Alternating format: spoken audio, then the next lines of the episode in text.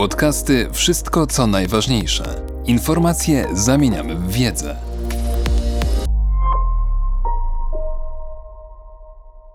Profesor Chantal Del Sol. Putin uczniem Orwella. Autokracja zmierzająca w stronę totalitaryzmu. Jakby po zmierzchu wielkich abstrakcyjnych dwudziestowiecznych namiętności świat wracał ideologicznie do tego, co charakteryzowało go przez wieki myślenia wsobnego, czyli wszelkiej maści nacjonalizmów, pisze profesor Chantal del Sol.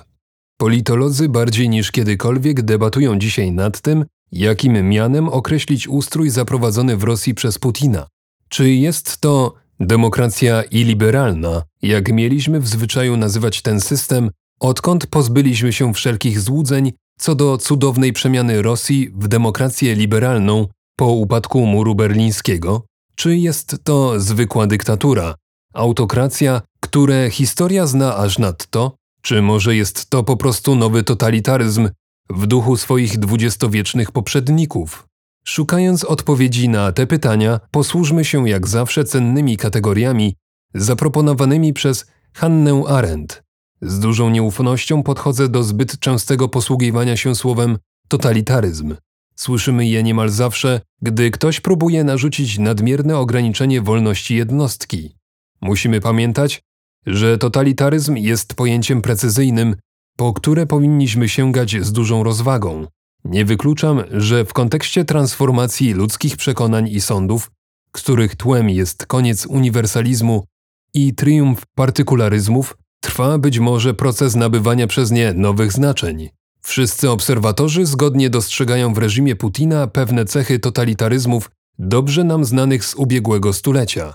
Rosyjski prezydent dysponuje tak silną władzą, że żadna opozycja nie jest możliwa, nawet w postaci jakichś szczątkowych form demokratycznych. Ponadto wszelkie próby kontestacji są tłumione z dużą bezwzględnością, a przede wszystkim władza polityczna podporządkowuje całość swoich działań jednej ideologii, jednej koncepcji czy utopii bądź iluzji, nieważne jak to nazwiemy. Dzieje się to kosztem dobrostanu ludności, kosztem gospodarki, a nawet kosztem logiki i zdrowego rozsądku. Hannah Arendt świetnie wykazała, jak bezrozumnie i bez jakiegokolwiek porządku działa władza totalitarna. Jest ona tak bardzo pochłonięta swoją ideę fix, że koniec końców traci kontakt z wymogami, które narzuca rzeczywistość. Postawa Putina w wojnie przeciwko Ukrainie jest znamienna dla jego chaotycznego i nierealistycznego umysłu, który dąży do realizacji swoich fantazji, nie oglądając się na koszty, jakie ściąga na kraj i obywateli. Hitler działał w ten sam sposób. Reżim Putina możemy opisać jako autokrację zmierzającą w stronę totalitaryzmu. Nie ma on, albo jeszcze nie ma, wszystkich cech totalitaryzmu, albo nie są one do końca obecne. Mam na myśli zwłaszcza totalne zawładnięcie umysłami ludzi, wolnością myśli, słowa, przemieszczania się, także wolnością gospodarczą. Kolejną, jeśli nie najważniejszą cechą putinizmu jest narzucenie nam pewnej nowej figury autokraty, w której nie odnajdujemy opisu abstrakcyjnej utopii, do jakiej byliśmy przyzwyczajeni. Jeśli totalitaryzm zmienia dziś swoją postać, to dlatego, że wielcy ideolodzy odeszli wraz ze śmiercią wywodzącego się z doktryny chrześcijańskiej uniwersalizmu, który był dla nich inspiracją. Na utopii uniwersalistycznej opierał się komunizm, także nazizm, choć mocno zakorzeniony w partykularyzmie narodowym, proponował utopię sui generis, bliską pogańskiemu milenaryzmowi. Silna odraza, jaką żywią dziś ludzie Zachodu do ideologii, koniec wielkich opowieści, jak pisał Jean-François Lyotard, prowadzi do sytuacji, w której na ich miejsce wchodzą nacjonalizmy, czyli wierzenia i poglądy zakorzenione w partykularyzmach. Wszystko dzieje się tak, jakby po zmierzchu wielkich abstrakcyjnych dwudziestowiecznych namiętności świat powrócił ideologicznie do tego, co charakteryzowało go przez wieki.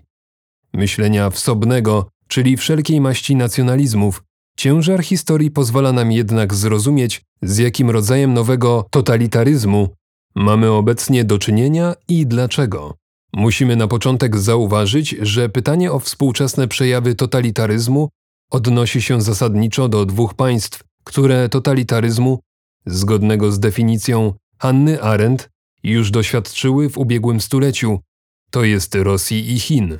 Gdy popatrzymy na ich dzieje przed XX wiekiem, zauważymy, że były one bardzo odmienne od dziejów Zachodu. Oba państwa są dobrze zaznajomione z tym, co onegdaj nazywano despotyzmem. Innymi słowy, były to reżimy, w których autokrata, dynastyczny bądź nie, otoczony garstką przyjaciół, rządził żelazną ręką całkowicie podległym mu krajem, ograniczając wszelkie wolności jednostki. Panująca w Chinach doktryna legalizmu, IV-III wiek przed Chrystusem, doprowadziła do wykształcenia się absolutyzmu politycznego, który wyrażał się przez permanentną kontrolę i policyjny terror. Despotyzm był także tradycją carskiej Rosji, w której kontrola myśli i więzienie dysydentów były na porządku dziennym.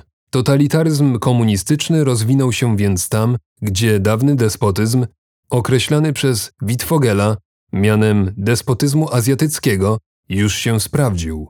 Nie dziwi więc, że i obecnie totalitaryzm nowego typu rodzi się właśnie w tych dwóch krajach, w których, jak naiwnie nam się wydawało, po upadku komunizmu w sposób naturalny miała rozkwitnąć demokracja.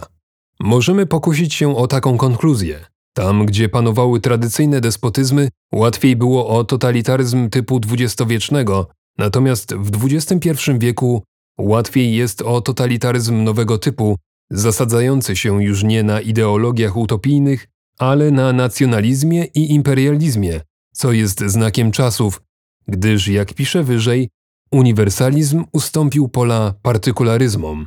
Trzeba wszakże zauważyć, jak bardzo nowe totalitaryzmy XXI wieku czerpią z resztek przeszłych ideologii.